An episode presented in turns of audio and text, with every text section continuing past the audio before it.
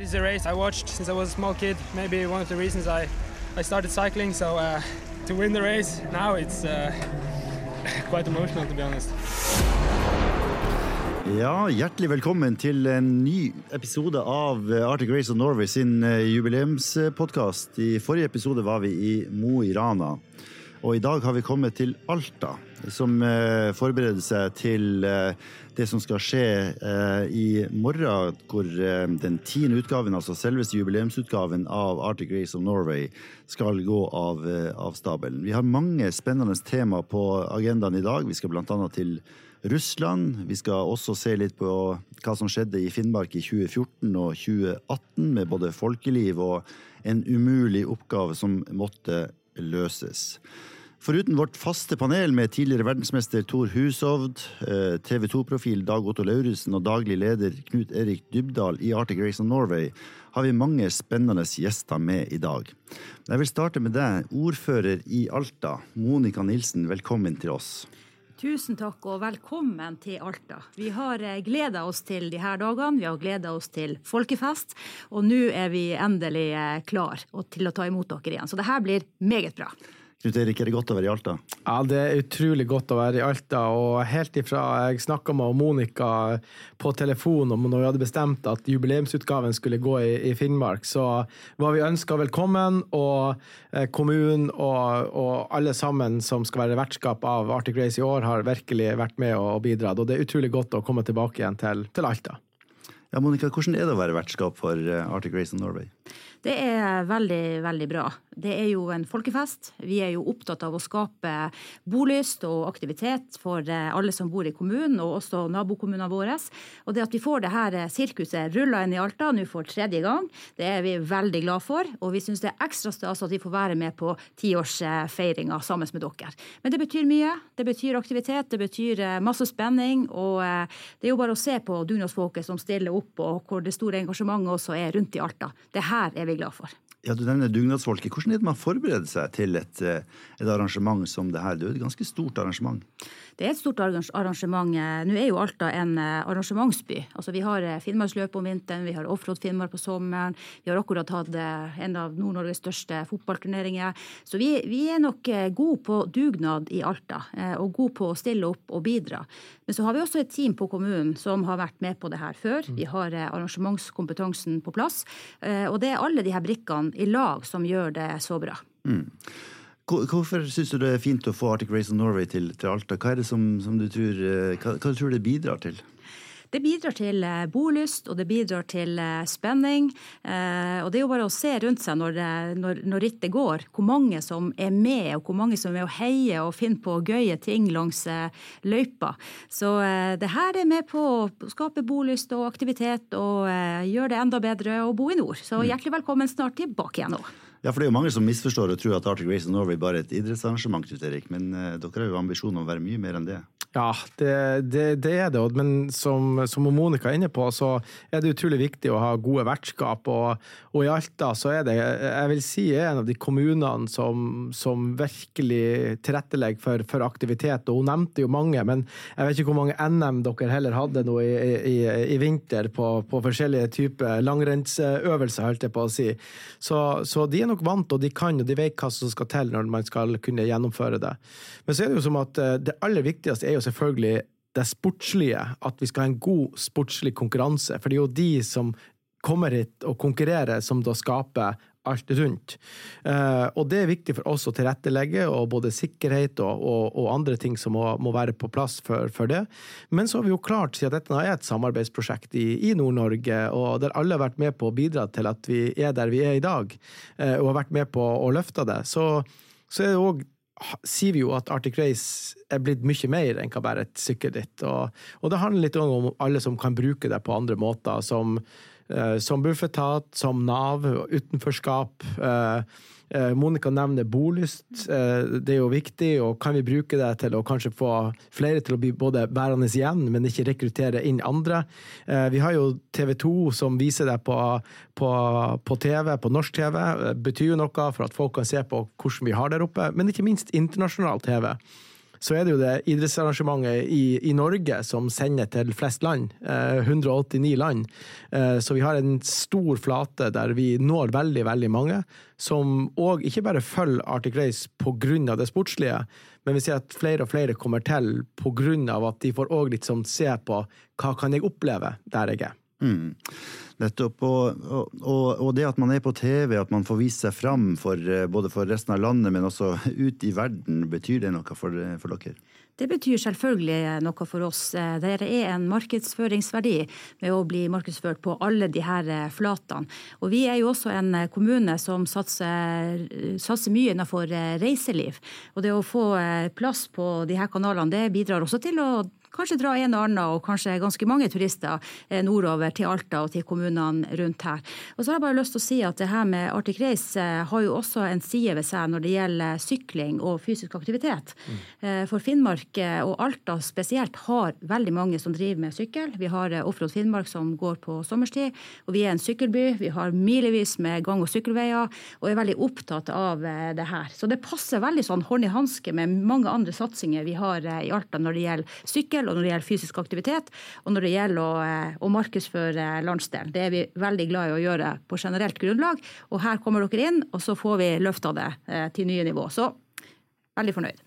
Veldig godt å høre. Du er et travelt menneske, vi vet det, og du må springe videre. Men tusen takk for at du var med oss her i dag, Monica. Og lykke til videre med det du holder på med, og med arrangementet som skal hit i morgen. Tusen takk for det. Vi ses. Vi ses. Veldig bra. Da skal vi fortsette litt. og eh, Når vi er i Finnmark, så må vi jo innom denne helt spesielle historien Knut Erik, eh, om, eh, fra 2018. Da det var snakk om at faktisk Arctic Race of Norway skulle inn i Russland. I dag er jo det en helt usannsynlighet, hvis det er noe ja. som heter det. Altså, Ingen ville i hele tatt tenkt den tanken, men da var det noe som faktisk kom, en idé som kom ganske langt? Ja, det, det var det. Det var en, en, idé som vi jobba veldig lenge med, og sammen med, med Barnesekretariatet og, og, fylkeskommunene, men da spesielt Finnmark fylkeskommune. Og det man alltid snakker om, det er jo òg det, det, viktige og det samarbeidet man har i nord, altså det folk-til-folk-samarbeidet, der at både russ, russere og, og norsker på hver sin side av grensen eh, farter veldig mye til hverandre. Og man ønsker å styrke det. Eh, og gjennom det som da Barnesekretariatet og fylkeskommunen da spesielt jobba med, det var jo for å kunne se på hvordan kan vi bygge enda tettere bånd eh, i nord og, og denne grensa mellom øst og vest. Eh, og da var det jo tanken om at da må vi prøve å se på mulighetene for å kunne ha et, et sykkelritt. og Gjennom de kontaktene som da Barnesekretariatet hadde, så ble det jo satt opp møter, og vi da så helt konkret på hvordan vi kunne da ha en etappe som gikk i Murmansk, eh, og hadde målgang i Murmansk, men ikke minst hvor vi da starta i Murmansk og skulle krysse eh, grensen da imellom Norge og, og, og, Russland, eller da fra Russland og inn til Norge, og kunne ha en målgang i, i Kirkenes.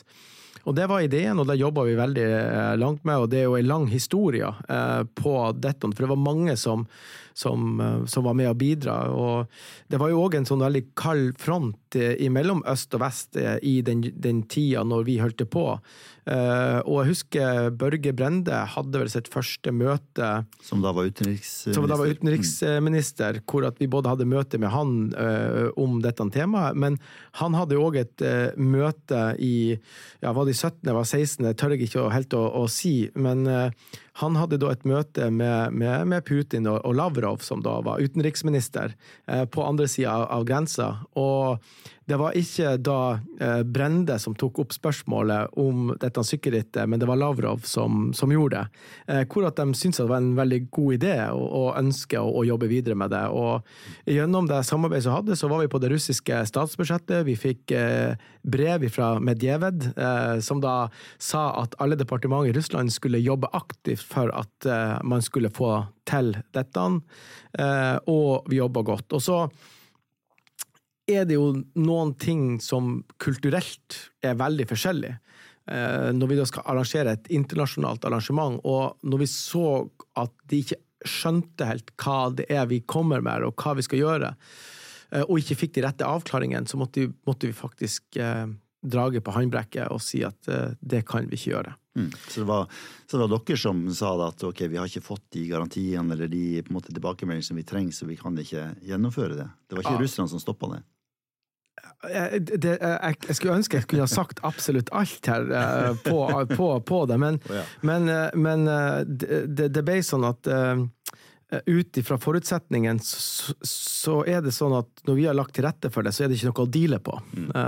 enten så er det sånn, eller så er det sånn. Mm. Og det aksepterte de ikke. De trodde nesten at vi her kunne vi liksom Akkurat som du prøver å prute på ei, T-skjorte som du skal kjøpe, eller om du ber om å få noen prosenter på noen ting, så ble det òg aktivt. Så, så, det var ikke noe vi, vi kunne gjøre. Mm. Tor, du var vel også litt sånn delaktig i, i denne eh, prosessen. Husker du noe fra det her eh, som skjedde? Uh, ja, jeg husker jo, husker jo mye av det. det. det. er nesten så jeg, jeg, kjenner meg igjen når Knut Erik nå forteller det, for det var jo intenst en periode og, og veldig spennende. For det hadde jo vært uh, unikt, uh, absolutt. Så, men jeg var jo med på noen uh, møter i, oppe i, i, i Kirkenes. og så er det en Da var det vel sykkelpresidenten, en tidligere sykkelkollega, vi aldri på samme lag, men Ekimov, som, som var der oppe. Mm. og så spennende møter i, i rundt, rundt, den prosessen, absolutt. Så, mm. Men nå har jo verden forandret seg siden da. Mm. Ja, Man kan jo reflektere mye over det også, hvordan verden har forandra seg. Men det er jo eh, helt utrolig å tenke på at så nært var det. At man kunne faktisk hatt Arctic Race of Norway i Russland. Og at uh, de kjente til mm. uh, sykkelritt og gjerne ønska det også. Det er jo et, uh, et spennende perspektiv. Uh, kanskje kommer vi dit en gang i, i framtida, men akkurat nå ser det jo mørkt ut for et sånt samarbeid. Ja, men da kan andre muligheter åpne seg. Vi har jo andre naboer med, med Finland og med Sverige, så man må ikke slutte med å tenke på at et samarbeid i nord kan, kan være aktuelt. Så, og det syns vi òg er litt sånn artig, hvis vi kan bruke arrangementet til å kanskje åpne nye dører, eller se på noen andre muligheter til at vi sammen kan fortelle noen historier. Mm. Så eh, jeg tror nok at eh, vi skal tenke den banen mye mer i, i framtida. Ja, og allerede har vi vært i Finland, i Kilpisjärvi Eh, og Nord-Sverige ligger jo der også, og mange muligheter ligger der. Så kanskje vi får se noen grensepasseringer i, i framtida også. Hvem vet? Det ble ikke Russland i 2018, men det ble jo et formidabelt flott Arctic Race i 2018. Før, det skal vi også snakke litt om, men, men Arctic Race var også i, i Finnmark i 2014. Da sykla du, Tor. Eh, og da var det også her i Alta, og, og med avslutning på Nordkapp. Hvordan opplevde du å være i Finnmark på den tida? Nei, Det var jo en eh, opplevelse. Jeg ble tatt imot uh, på best mulig måte. Der jeg ble jeg tatt med rett i Altaelva og fikk prøve fluefiske for første gang. med et lite hell så fikk jeg en liten laks, men ikke en ikke en stor laks. Ikke en stor laks. Den var så liten at de, jeg fikk ikke lov å kalle den laks, da bare lo de av meg. Men uh, i min verden så var det en flott laks. uh, en gladlaks. En gladlaks fra Sørlandet fikk ja. en ja. ja. vi har en gladlaks til fra Sørlandet her, Dag Otto. har du noen minner fra, fra 2014? Og, og, altså, i hvert fall Når du først snakker om uh, Russland før jeg legger det dødt, så må jeg jo si at pga. Arctic Race så har jeg vært i Russland. Uh, for det at, uh, Jeg husker ikke hvilket år det var, men det kan ha vært 14 eller 18. Uh, eh, da ble jeg tatt med helikopter inn til den grensestasjonen. Og den var jo mye hemmelig der, så de hadde dekka over en til. Vi var oppe og kikka inn til Russland. Og så fikk vi være med i en, en liten sånn ribb, eller en sånn båt som transporterer langs grensa. Eh, grense Jakobselv, og kjørte da Og der har de en stående avtale at du kan ikke si hvor grensa eksakt går. Så når vi var ferdig med turen, så sa de at vi hadde vært i Russland. Men det har de jo lov til, da. Eh, men det var fascinerende, og en opplevelse, syns jeg, for, eh, for, meg. Men jeg kan ikke huske hvilket år det var. 18. 18 ja. Mm. Mm. Er, han, er, han, litt Altså ikke samme historie, men det var grense Jakobselv. Så stoppa vi da, ser du, det er jo bare den lille elva ikke sant, mm. over. Så tok jeg, tenkte jeg, oi, det er gøy, tok jeg tak i en stein skulle kaste den over. Så rett før armen min var bak skuldra, idet jeg skulle kaste, så var det en som ropte bare 'nei'! Så det er visst ikke lov å kaste stein over til Russland. Jeg tenkte det var liksom... sto det en med sniper på den ja, ja, ja, Det kan ses på som en aggressiv eh, handling, ja. ja. Man ser på det sånn som Russland ja, det husker jeg faktisk at du gjorde. Jeg husker det. Jeg husker det. La steinen forsiktig ned igjen. Ja, ja. I år så skal jo Arctic Race of Norway avsluttes på Nordkapp. Eh, og det var jo også en av eh, etappene altså, eh, i, 2014, Tor. Hvordan var det å sykle opp til, til platået? Nei, det er, jo, det er jo ikke flatt opp dit. Så det, er jo, det var jo en beinhard avslutning. Jeg trodde jo at liksom, Du ser på høydeprofilen at ja, men det her passer meg bra litt sånn halvhardt og slagt opp til mål. Men det var slagt oppover. ja. Uh, men uh, det var beinhardt. Én ting er liksom høydeprofilen og bakkene, men en annen ting er vinden. Altså, det, er jo, det er jo kanskje ikke en dag i Kanskje én dag i året som det er vindstille der oppe, men det blåser mye der, selvfølgelig. Eh, så det gjorde det mye, mye hardere. Så det var, eh, mm. det var, for hardt for min del, men det var en flott seier av Lars Petter Nordhaug, da, som, som, vant den, eh, den etappen i, i 2014. Mm. Veldig bra. Knut Erik? Ja, nei, nei, og, og, det er jo også sånn at jeg, jeg husker jo òg det har gått, og du mistet jo nesten tittelen din som reporter langs veien, husker jeg, over vidda i ja. 2014. Hva, altså, hva, hva, hva, skjedde? Altså Det er jo så mange historier at jeg har jo litt problemer med å sortere når og hvor de skjedde. For jeg har jo aldri truffet så mye sprø folk langs veien som jeg gjør i Arctic Race år etter år. Men jeg husker veldig godt eh, det var vel jeg skulle kaste lasso ja, etter noe reinsdyr. Og da kom det en eh, Det var vel han som eide reinsdyra. Eh, det er ikke de reinsdyra som er det godt, for jeg har til og med et som er kalt opp etter meg. Men jeg skulle kaste lasso, han tok min mikrofon. Han ville ikke slippe den igjen, vet du. Så var det så vidt at jeg fikk tilbake mikrofonen. Han skulle overta hele showet. Men det var kjempegøy. og jeg husker òg når du snakker om noe, platået der ute i, på Nordkapp, så skulle jeg liksom reiste jo før Tore og de for å komme der og, og se når eh, løpet utspant seg og Lars Petter kom i mål. Så sa de at det var altså så kaldt at de fant ulltepper til meg som jeg skulle surre meg inn i, for jeg satt jo med en mikrofon og, og et TV-kamera og skulle være med og kommentere. da. Det var bikkjekaldt, men det var en opplevelse. Det var første gang jeg hadde vært på Nordkapp, og, eh, så det var kjempegøy. Mm. Ja, og, og, jeg husker òg at uh, det året, når vi, når vi, kom opp på, på Nordkapp, så hadde vært tåka og veldig langt nede, det var vind, uh, det var òg sånn småkaldt, men en time før at rittet kom, så forsvant tåka. Ja, for når vi kom, så var det tett tåke, du kunne ikke se noen ting. Ja, ja. tenkte, å, trist! Her skal liksom hele verden kunne få lov til å se Nordkapp. Og syklistene som kom oppover, så kunne du ikke se en meter foran deg. Men det er akkurat som du sier, det var akkurat som en åpenbaring, og så forsvinner toga. Og så ble det jo mye vind, men det var fantastisk eh, å se på. Men det er sånn det har gått. Uansett hvor du kommer, så skinner sola. Ja, det er akkurat det. la oss håpe at den skinner også i år. Men nå skal vi tilbake til 2018. 2018, eh, for det, da skinte sola. Hvis det går an å, å, si det. For da, da starta vi eh, i Vadsø. Uh, og der var det um, ganske bra. Vi har med oss uh, ordføreren i Vadsø, Wenche Pedersen. Uh, vel, velkommen til oss. Takk, takk. Hvordan var det, Kan du beskrive for oss hvordan det var i, i Vadsø da vi hadde starten der i, i 2018? Ja, var nok, Jeg var jo ikke ordfører på det tidspunktet, men eh, jeg var jo til stede i sentrum da det starta. Og det er klart at eh, det her er jo sånne det er jo sånne happenings som eh, på mange måter er veldig viktig for, for sinnets munterhet, for å si det sånn. For sjelden har vi vel sett så mye folk på én gang eh, i sentrum og alt det som skjedde. Så det var, det var egentlig en helt fantastisk dag og flott, flott vær. Ja, jeg husker Vi eh, bodde jo i, i, Kirkenes og tok båten over fjorden. Husker du det, Tor? Eh, det var jo helt et, et, altså det var sånn 25 grader. Man satt på, oppe på den der flybridgen, ikke det det heter, på sånne flotte båter, båter over, over, fjorden der, og kom inn til, til Vadsø, og det var tusenvis av mennesker i sentrum, og grilling og folkefest av en annen verden. Det, var, det, var... Ja, det, var en, det, var, det, ble et veldig svært opplegg, og det var veldig mye godt humør. og det er klart at Nå har jo vi selvfølgelig fint vær her nesten bestandig, så, så det var jo ikke uventa. Men, men, men, det ble veldig spesielt. Og jeg må jo innrømme at jeg, jeg var ikke så helt sikker på det her sykkelløp. Hvor mange er liksom interessert i det her i Vadsø? Men det viste seg jo at det var jo helt vilt. og og, og som, eh, som Tore da godt sier, et, et enormt engasjement og sykler. Enda i dag når jeg kjører rundt fjorden, så er det jo sykler som står og som har tatt opp den gangen. Mm.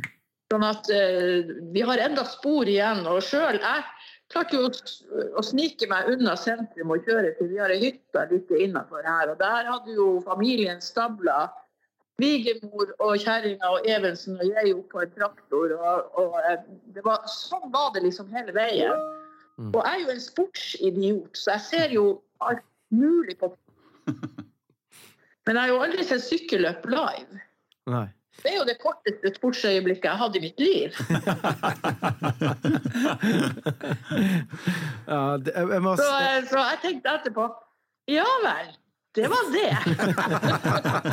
så jeg fikk det liksom litt sånn eh, helt, eh, helt live og rett på meg.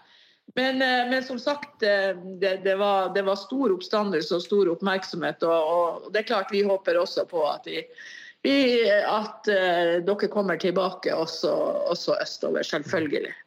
Ja, jeg må si at jeg husker godt når vi var, var i Vadsø og, og hadde start på, på første etappe uh, der. Og det er jo litt sånn som du sier, sykkelritt det er jo et arrangement, og så, og så når det er i gang og passerer, så er det liksom over. Men det er jo ikke heller noen andre idretter hvor du får en mulighet til å uh, kunne være aktiv i fire til fem timer og, og følge uh, et arrangement på TV og kan vise liksom bredden der folk bor og holder til, som, som et sykkelritt. Men jeg er jo veldig enig med deg at det, det er jo bare et jafs, og så føler man hva i all verden var det her for noe? Ja. Det, det var sånn at I en, en episode tidligere så snakka vi litt med Dag Otto. Han besøkte jo et sykehjem eh, i eh, utenfor Fauske, eh, Rognan, uh, første året vi hadde Arctic Race.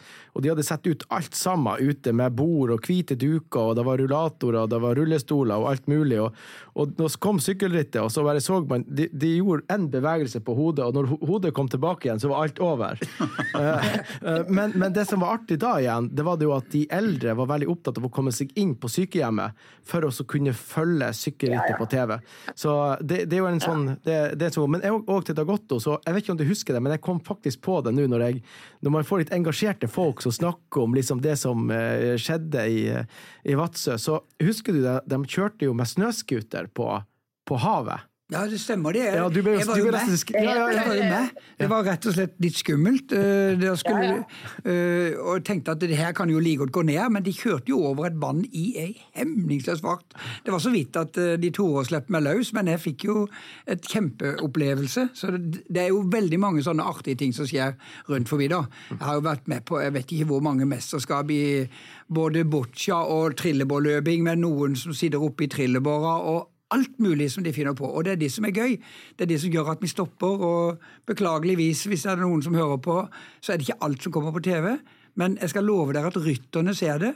Og vi ser det, vi som kjører langs løypene. Så det er fantastisk moro at folk eh, skaper ting og lager aktiviteter. Det er Og så har jeg jo eh, Knut Erik rett i at eh, altså de bildene de bildene som sendes ut i verden fra Finnmark, det, det er klart at det, det er vi, vi kan aldri måle det, men, men, men det er ikke bare dem som ser på det, men det er også dem hos oss som ser de tøffe bildene. Og det er viktig for oss også sant, å vise frem skal vi si, denne gleden og folkefesten, og selvfølgelig den naturen som jo er helt spesiell oppi, oppi alt det her. Og selv om eh, eh, kan si rittet fyker forbi i stor fart, så, eh, så er det jo mye aktivitet både rundt eh, start, som vi har hørt i Vadsø, men også i målområdene. Nå skal vi til, til snakke litt med Stine Akselsen. Velkommen hit. Tusen takk. Du var ordfører i Lebesby, eh, som var vertskap for Arctic Race eh, målgangen på andre etappe i Kjøllefjord i, i 2018. Og det må jeg jo si, det var jo et, eh, et eh, voldsomt folkeliv eh, der også. Kan du si litt om hvordan dere jobba for å få det, for å få det til? Ja, for det første så var det jo en forferdelig lykkerus for meg da når han, Knut Erik nesten ett år i forkant nevnte for meg at det kunne bli Lebesby neste gang. Og jeg ble jo skikkelig trigga, og det ble vi som kommune. Og vi var sikre på at vi skulle klare å lage en fest. Og det som jeg tror var litt av suksesshistorien, var at vi klarte å lage det til ei hel helg fullspekka med program, og ikke bare noe som ble konsentrert rundt den målgangen. For det er litt sånn som dere sier, det er et jafs, og så er det over. Eh, Så vi ønska å lage det til en stor happening. Og vi lagde det til noe mer som vi både ønska å fokusere på det med boløst, bliløst, stolthet hos oss, og både det hos store og små. Og vi vet at vi er gode på fest. Mm. Vi lager fest både av åpning av kaier og fiskebruk og andre ting. Så det er ikke mange store andre store nasjonale og internasjonale happeninger i små kommuner som, kommuner som Vårstad. Derfor trigger det nok litt ekstra. Mm. Men det krevde mye. Det var utrolig mange involverte lag og foreninger, næringsliv, enkeltpersoner og mobilisering i alle bygdene. Det var litt sånn Vi var i sykkelmodus fra våren av. Så det var en kombinasjon at kommunen var veldig på, og at innbyggerne var ekstremt villige til å delta. Og vi så jo det at det var ekstremt mye som skjedde langs løypen. Enorm kreativitet. Folk ofra målgangen og folkefesten i sentrum for å lage stemning langs løypa. Så mange bydde på seg sjøl, og det var litt sånn alle mann til pumpen. Vi hadde rådmann og leder i næringsforeninga som spraya sykler på kveldstid, og folk rydda og gjorde det ekstra fint rundt huset og i nabolag. Og klart når man er en, Det er litt sånn som eh, Monica var inne på. De er en stor kommune med som har en enorm erfaring. Det har ikke vi. Men klart, med en liten kommune så er det jo òg litt det at jeg tror det eh, trigger litt eh, når man er små. At det er enklere vi har ikke så mange store arrangement i løpet av året, så det er enklere å engasjere og det genuine ønsket om å få lov til å være i lag og delta. Og vi fikk 800 stykk i målområdet. Og med en kommune på 1300 innbyggere og Kjøllefjord med 950 innbyggere, så er jo det veldig bra. Og klart, som jeg sier, små kommuner. Næringslivet stengte alt av butikker eh, for at folk skulle trekke ut i målområdet. Og, sånn at det var en enorm dugnad. Mm. Ja, jeg, jeg, må, jeg, må, si at uh, jeg husker òg veldig godt, og det, det var òg en sånn å ta litt tempen med å komme til en liten kommune. og Man vet ikke, og jeg husker helt ifra vi snakka sammen, eh, at det var mulig, og, og, til at det ble sånn. Og den jobben som, som ble gjort i Kjøllefjord, det var, var ganske fantastisk. Og, og, alle skjønte, som var i Kjøllefjord, at uh, her har hele bygda, altså hele kommunen, har stilt opp. Og jeg tror faktisk at det var flere folk til stede enn hva det egentlig var i, eller bor i kommunen. altså. Det var, det var et utrolig folkeliv, og det ble utrolig godt eh, lagt merke til. Så det viser bare òg at eh, selv om man ikke har kompetansen, men når man bestemmer seg for at man ønsker å jobbe i lag med å tilrettelegge uansett, eh, og at man ønsker å sette sin hjemplass på kartet, så, så klarer man det. Og man mobiliserer på en god måte, og det er helt klart noe Kjøllefjord klarte å gjøre på en utrolig god måte. Mm. Så det var veldig fint. Jeg husker da Erna Solberg, eh, som da var statsminister, hun kom jo også til Kjøllefjord til dette arrangementet. Hun sa at eh, en av verdiene med, å, med sånne store arrangementer som Arctic Race of Norway eh, bidrar med, det er at man går sammen i lokalsamfunnet for å skape noe som er på en måte større enn en, en seg sjøl. Uh, og det, det, det inntrykket jeg har fått av dere, eh, Stine, at, eh, at, det var det dere gjorde. Dere gikk sammen og lagde et altså, At det blir et så stort samarbeidsprosjekt i kommunen. Ja, det gjorde det. Vi er jo en stor kommune med masse distrikt. Og klart alle Vi hadde ulike ansvarlige og arbeidsgrupper rundt omkring i hele kommunen. Og det blir jo litt som vi ønsker å koke mest mulig suppa på den ene spikeren. For at det er jo som at når vi får noe sånn, så må vi prøve å gjøre det beste ut av det, og mest mulig ut av det. Så Vi kjørte på med gratis kino, vi hadde åpning av sykkelpark, vi kjørte Tour de Nordkjønn med sykkelløp for oss vanlige dødelige fra Kjøllefjord med han, og så til Gamvik og Slettnes. Og, og så er det jo sånn at til syvende og sist så ser ikke TV-seerne og TV-helikoptrene kommunegrensen. For alle andre så er vi jo Nord-Norge og Finnmark. Mm. Men for noen svært få så var vi Lebesby kommune og Nordkjønn. Og så tenker jeg at en gang i 2018 så var det liksom vår tur å promotere Nord-Norge og Finnmark via de her TV-bildene til Arctic Race. Og erfaringa vår var jo at jo flere som bidro, jo større utbytte klarte vi å få ut av det for oss alle. Og jeg tror den stoltheten vi kjente på som kommune, og den stoltheten alle utflytterne fra Nordkjøn og Lebesby kommune kjente på, den tror jeg satt veldig lenge i. Og det har òg en enormt stor verdi. Mm. Det er veldig interessant å, å, høre, og spennende historie fra, fra, Kjøllefjord. Men vi skulle jo videre fra Kjøllefjord også over til eh, Honningsvåg, Knut Erik. Og, og da måtte vi ta Hurtigruta i bruk. Ja, eh, det er jo òg sånn at eh, det er jo ikke langt ifra, eh, fra Kjøllefjord og over til Honningsvåg, hvis man tenker da sjøveien, men, men, det er jo ganske langt hvis man skal liksom kjøre rundt. Og når man er ferdig med en etappe, så er det jo òg sånn at for oss så handler det egentlig òg om å tilrettelegge for det sportslige. Som gjør at rytterne får komme seg fortest mulig til hotellet, får massasje, får mat og begynner å forberede seg til, til neste dag og, og, det som skal skje. Og Det er jo noen ting som vi alltid tenker på når vi da syr sammen etappene. Og i 2018 så var vi heldige og fikk Hurtigruta med på, på laget, som tømte nordgående skip i, i Honningsvåg, hvor vi da hadde en liten næringskonferanse om bord i båten fra Honningsvåg og over til eh, Kjøllefjord, for da var alle turistene sendt opp til Nordkapp. Eh, skipet gikk til Kjøllefjord. Uh, og når vi da kom til Kjøllefjord, så fikk vi jo ta del i, i arrangementet uh, der. Uh, og at når arrangementet var ferdig, så fikk alle rytterne, lagene, være med i Hurtigruta Eh, tilbake, eller over til, til, Honningsvåg, så en seilingstid på noen timer.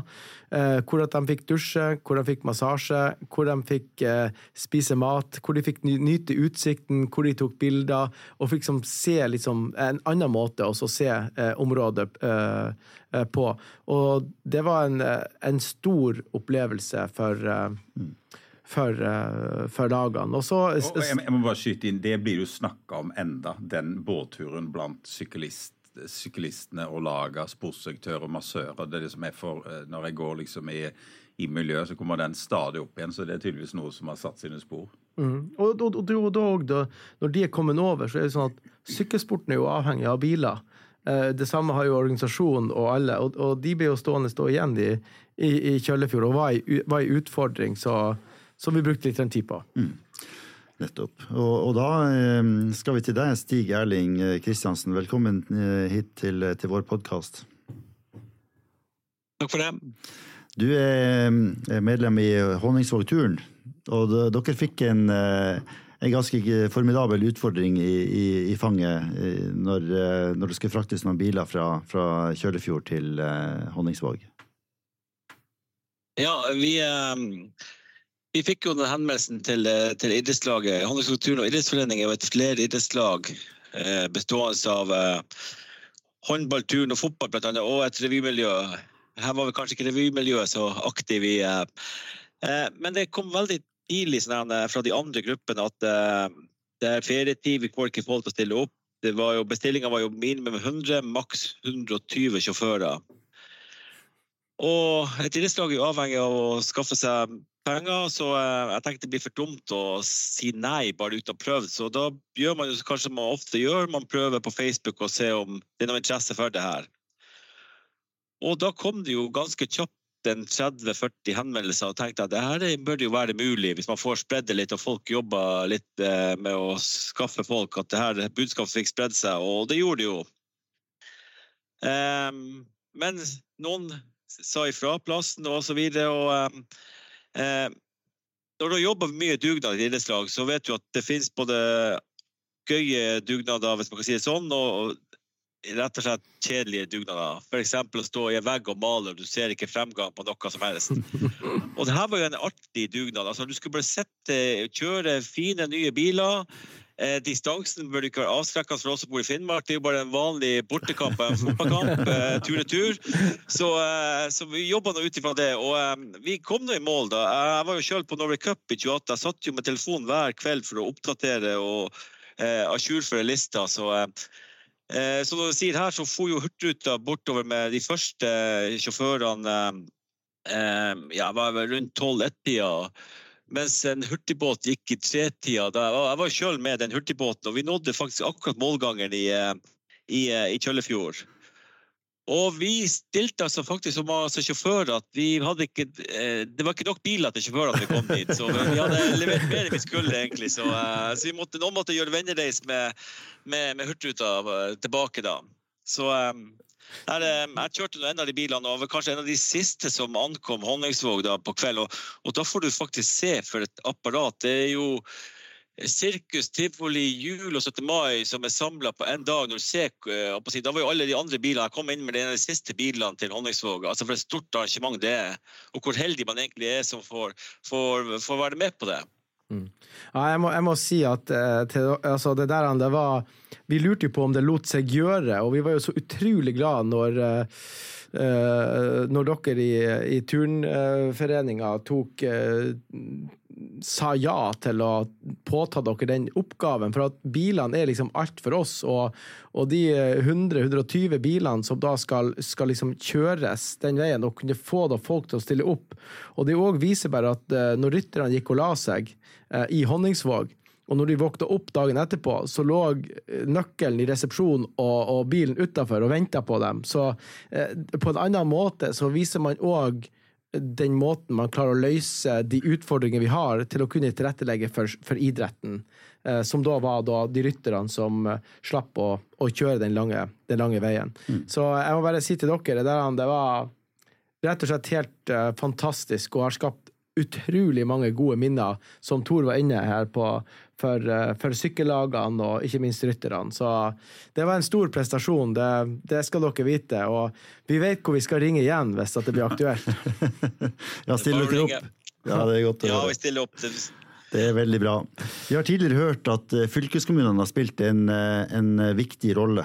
I, både fra jeg, unnfangelsen av Arctic Race of Norway, også det å få det opp på beina og til å bli det det har vært i dag. og nå er vi så heldige at vi har fått med oss eh, Kristina Torbergsen, som er fylkesrådsleder i Troms og Finnmark. Velkommen. Takk, eh, Roger. Eh, jeg vet at du er opptatt av å drive på med valgkamp og litt forskjellige ting, men veldig hyggelig at du har muligheten til å være med oss i dag og, og fortelle litt om kanskje hva som var bakgrunnen for at fylkeskommunene engasjerte seg i, i Arctic Race of Norway. For eh, fylkeskommunen tilbake i tid, så var det jo et eh, utrolig spennende prosjekt som eh, kunne være med å sette hele Nord-Norge på kartet. Og Spesielt så er jo det konseptet med at man flytter seg rundt i Nord-Norge med å legitimere hele sykkelrittet for folk i nord, men også for det det føles det er litt sånn demokratisk over det hele. Eh, og så er Det jo sånn at eh, det er ikke så ofte at man får eh, store arrangementer i kommuner som i Kjøllefjord og i, i Berlevåg og rundt omkring i, fylket. og Da er det jo sånn at et sykkelritt som har millioner på TV-skjermen. Da føler man at verden er kommet til Nord-Norge på en helt annen måte. Så den muligheten kunne jo ikke vi la gå fra oss. Og det har vært et veldig sånn tverrpolitisk støtte til Arctic Race of Norway. Og det har vært liksom også godt at ved ulike politiske eh, styrer så har det på en måte også vært en sånn dette skal vi støtte sammen. Og Det tror jeg også er en styrke for rittet. Det at det ikke er så mye politisk spill rundt det, om man skal støtte det eller ikke, eller være positiv til det. Fordi at Arthur Reis nå har også på en måte gjort en enorm god innsats på det å forene og ikke splitte folk i nord. Mm, ja, for det vil jo alltid være litt sånn eh, vennskapelig rivalisering kanskje litt sånn kniving internt i Nord-Norge, men eh, mens Arctic Race of Norway har på en måte eh, heva seg litt over det. Ja, vel, absolutt. Og jeg tror jo at litt nøkkelen eh, der er jo at man flytter seg rundt. Og at man ser at eh, man er sterkere sammen enn hvis det skulle vært én eh, trasé hvert år. Og det gjør jo også at man mobiliserer jo hele Nord-Norge til å være med på denne folkefesten. Og det blir litt sånn at eh, I Troms har vi hatt det litt sånn at kommunen har jo håpa at rittet kommer innom fordi at da blir veiene asfaltert. Men det er jo noe annet. liksom.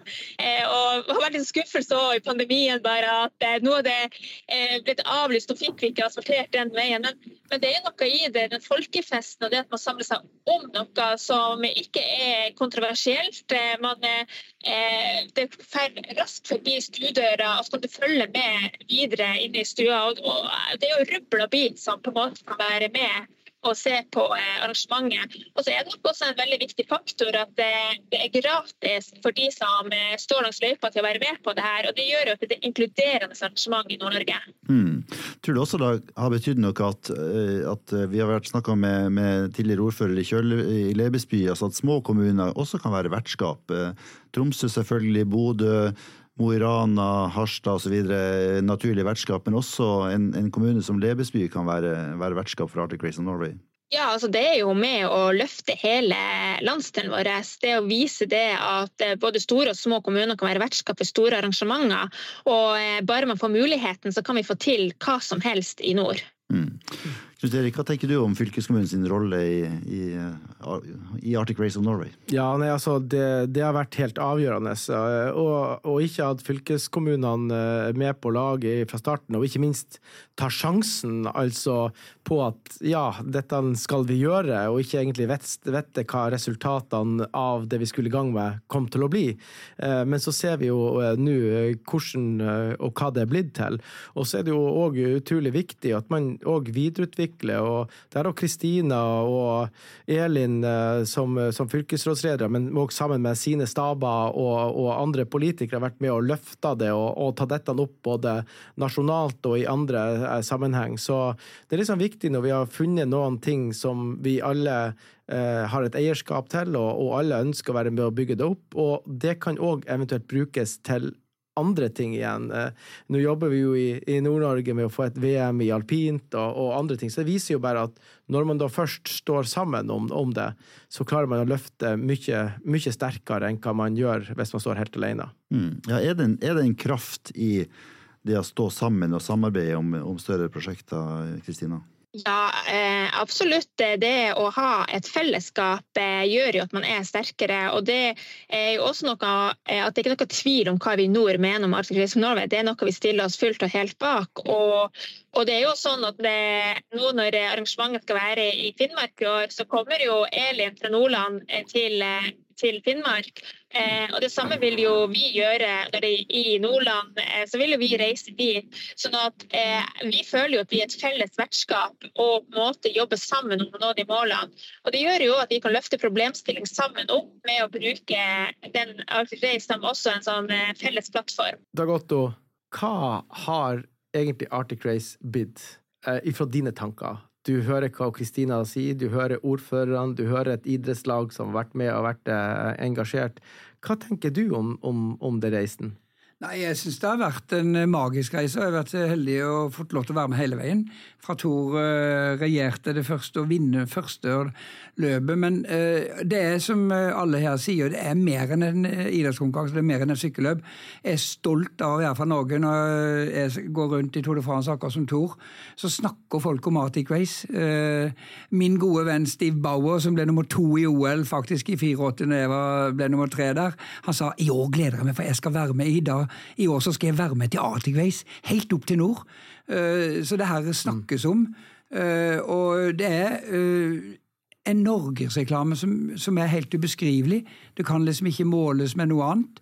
Og så er det sportslig veldig bra. Og så syns jeg det engasjementet Jeg kjører jo alle løypene og ser alle de jeg kan godt si uten å fornærme noen halvgale folka som kler seg ut, eh, og som gjør alle mulige slags aktiviteter for å komme på TV, men for å vise at de setter pris på arrangementet. Så jeg syns det, det, er helt fantastisk. og Jeg elsker Tour de France, men jeg elsker nesten enda mer Arctic Race. Mm. Det er godt. Jeg jo òg si til Tor, hva tenker du? Nei, helt enig med, med mye av det Dagotto sier, og, og, ikke minst det sportslige. At uh, jeg merker det som at eh, det blir viktigere og viktigere for lagene og viktigere viktigere for rytterne å komme hit og vinne, så du får en større status. Det er klart altså Hovedingrediensen eh, i Arctic Race det er tross alt sykkelløpet. Eh, og, og, og da er det mange ting som gjør at rytterne liker det. er godt organisert. Eh, enkelt ofte å gjøre. Så la oss si i, mor i morgen er det morgen her i Alta. Det er 100 meter til eh, hoteller, ikke sant? så det er veldig enkelt for, for rytterne.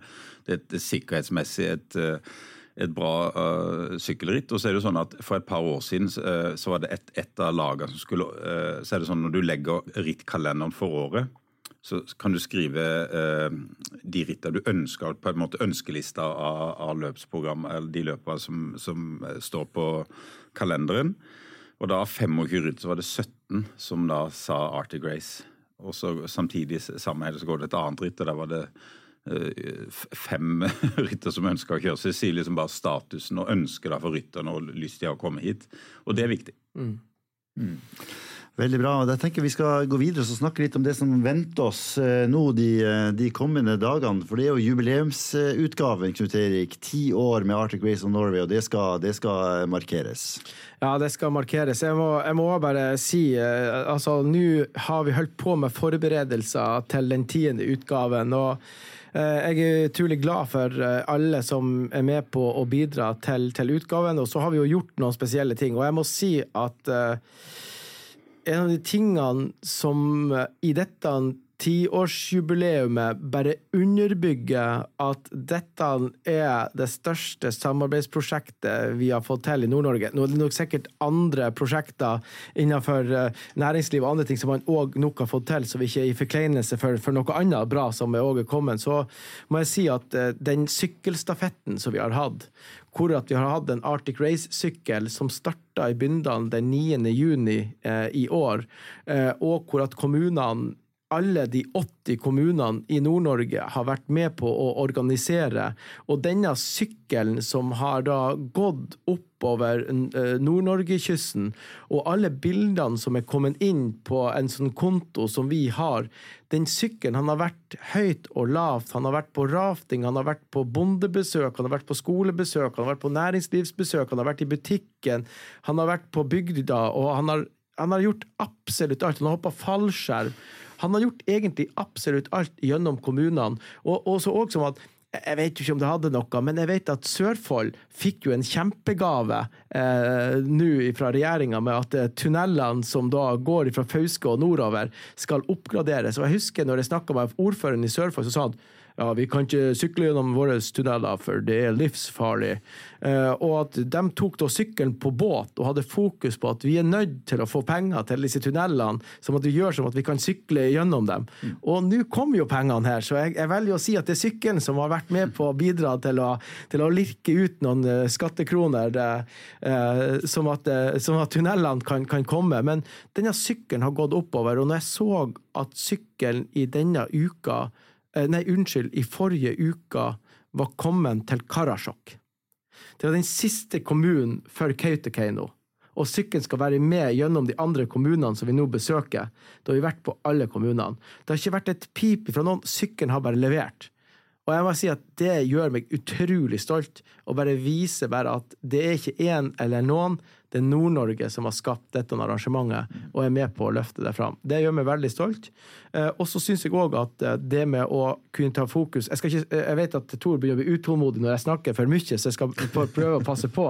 Sorry, jeg sovna, så jeg vet ikke mer hva du sa. den, den, den, siste tingen som mange syns når det er tiårsjubileum, det er det at vi blir første sykkelritt i verden til kun å ha elektriske biler i år så er det 129 biler til lagene og organisasjonen som da er elektriske. Det vil si at det er ingen andre sykkelritt i verden som har klart å ta det miljøgrepet som da vi har, har gjort. Og det har vi gjort i Nord-Norge.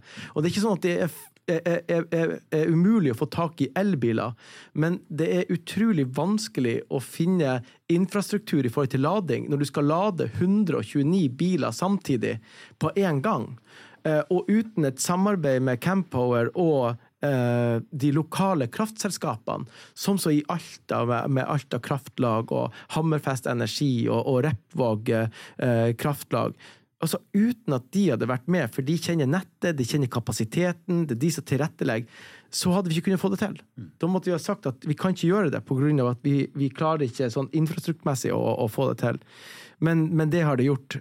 og når det er sagt, så er det sånn at å gjøre det i Finnmark, eh, å få besøke òg eh, en ny kommune med Kautokeino. Eh, mange sier òg i, hjertet av, av, det samiske, som vi da velger òg å, å, skal ta fram. Og ikke minst avslutte på Nordkapp, som er da Europas nordligste fastlandspunkt, og vise vår posisjon som verdens nordligste tapperitt på sykkel. Det er utrolig bra. Mm. Ja, og så har vi også med oss Havøysund kommune, enda en, ny kommune. Så det er to nye kommuner som blir inkludert i, i Arctic Race uh, i år. Men da, Gotto, hva tenker du om, uh, hva slags forventninger har du til, uh, til årets, årets, ritt? Egentlig som alle de andre åra, bortsett fra første. For første var jo liksom Vi visste ikke hva vi gikk til. Jeg hadde vært i mange møter med Knut Erik og vært med litt helt i starten av planleggingen. Men det overgikk jo alle de villeste fantasier, og i år kommer helt sikkert til å bli kjempebra. Jeg syns det var fantastisk når eh, en nordlending som har vært med og jobba dugnad eh, på, for mange år siden vinner løpet med Andreas Leknessund, som er en fantastisk nå eh, verdensklasserytter. Eh, Topp ti i Italia rundt. Det blir gøy å se om han kan klare å forsvare tittelen. Jeg gleder meg til det sportslige, men jeg gleder meg òg til å komme gjennom eh, alle disse fylkene som er her, eller de kommunene og den veien som er oppover til Nordkapp. Eh, Jeg har dårlig erfaring i Nord-Norge, for jeg har blitt drept i en fallskjermulykke på Finnmarksvidda. Ligget på Hammerfest sykehus eh, og blitt kjempegodt stelt der. Og nå tilbake igjen i det området som jeg har hatt både ups and downs, men Mest ups eh, med sykkel og fantastisk natur og et utrolig folkeferd langs løypene. Og Tor, det er godt å nevne Andreas, som kanskje kan eh, forsvare tittelen sin. Vi har også en annen eh, som tidligere har vunnet, Dylan Toynes, eh, som vant i 2017 med. Det vil si at vi har to med i år som faktisk kan bli historisk ved å vinne Arctic Race of Norway to ganger. Hvordan vurderer du deres muligheter til det? Ja, De er absolutt eh, til stede, og hvis jeg skal gi noen eh, favoritter, så blir jo begge de to, to nevnt. Eh, og selvfølgelig mange, mange flere. Du kan ta med UnoX-rytteren Tobias Halland Johannessen, som leverte Altså, han klatra og kjørte fjella med de beste klatrerytterne i, i Tour de France. Men det er ingen tvil om at for Andreas Leknessund så er jo Arctic Race viktig. Han har jo selv sagt at det er et viktig mål for han, og nå har han jo hatt en god pause etter uh, Giro d'Italia, som han ble nummer ja, eh, 80 i, da. Eh, så, er det klart han er i form, men eh, Dylan Tøyens eh, fra Belgia kommer, igjen, eh, kommer fra Tour de France med kano, i kanonform. Jeg snakka med han eh, tidligere, da, så han er motivert og, og klar for seier. Så det, det blir en kamp, og den kampen eh, begynner i, i Kautokeino i morgen. Men den er ikke slutt før målstreken på søndag oppe på Nordkapp-platået. For det er eh, fire spektakulære etapper, spesielt de to siste er jo profilmessig de, de tøffeste. Mm, så du tror ikke at eh, man kan stikke av eh, tidlig altså, i i løpet og avgjøre det før man kommer til Nordkapp? Jo, det tror jeg absolutt. Eh, Vi har jo sett eh, Det var vel eh, i, nede på, i, altså på, i Lofoten, vel, der det gikk et stort brudd på altså Feltet nesten delte seg i to. For det som er litt uvanlig i, med, med Arctic Race da, i forhold til andre, sånn som Tour de France, er det åtte, åtte ryttere på, på, på laget. Her er, du, her er du seks ryttere, så du har færre hjelperyttere. Så det, blir, det gjør at rittet blir mer åpent. Det er vanskelig å kontrollere. Første etappen så er det ingen som har ledertrøya. Og da blir det sånn, Hvem skal da ta kommandoen og prøve å samle, eh, samle feltet? og Det er heller ikke noe sånn eh, skal jeg si, mange gode spurter her, men det er kanskje ikke, det er ikke fem gode spurter, og Det er fem lag som ønsker å samle. Så eh, et, etappen i morgen kommer til å gå styggfort fra start. Masse angrep, masse støting. Og da kan plutselig komme av gårde en gruppe på 10-12-20-25 mann som aldri blir henta. Og så er det, da blir det helt annet scenario og, og, og kamp om, eh, om både sammenlagtseieren og, og for sammenlagten. Mm. altså etappeseieren og sammenlagten. Så det kan være åpent og spennende eh, Ja, egentlig helt fra starten av. her. Absolutt. Hva du tenker om det da, Gotto? Nei, Jeg er enig med Tor. Uh, han har resonnert godt. Det har han gjort i Tour de France òg. så eh, jeg gleder meg. Og det er moro at vi har uh, noen norske ryttere som er med og hevder seg. Vi har fått en ny generasjon ryttere. Eh, vi har hatt Tor Hushovd som har vunnet grønn trøye, som har vunnet ti etapper i Tour de France, og Alexander Kristoff. Men nå har vi òg en, en annen dimensjon rytter som gjør at eh, vi kan sette preg på forskjellige løp.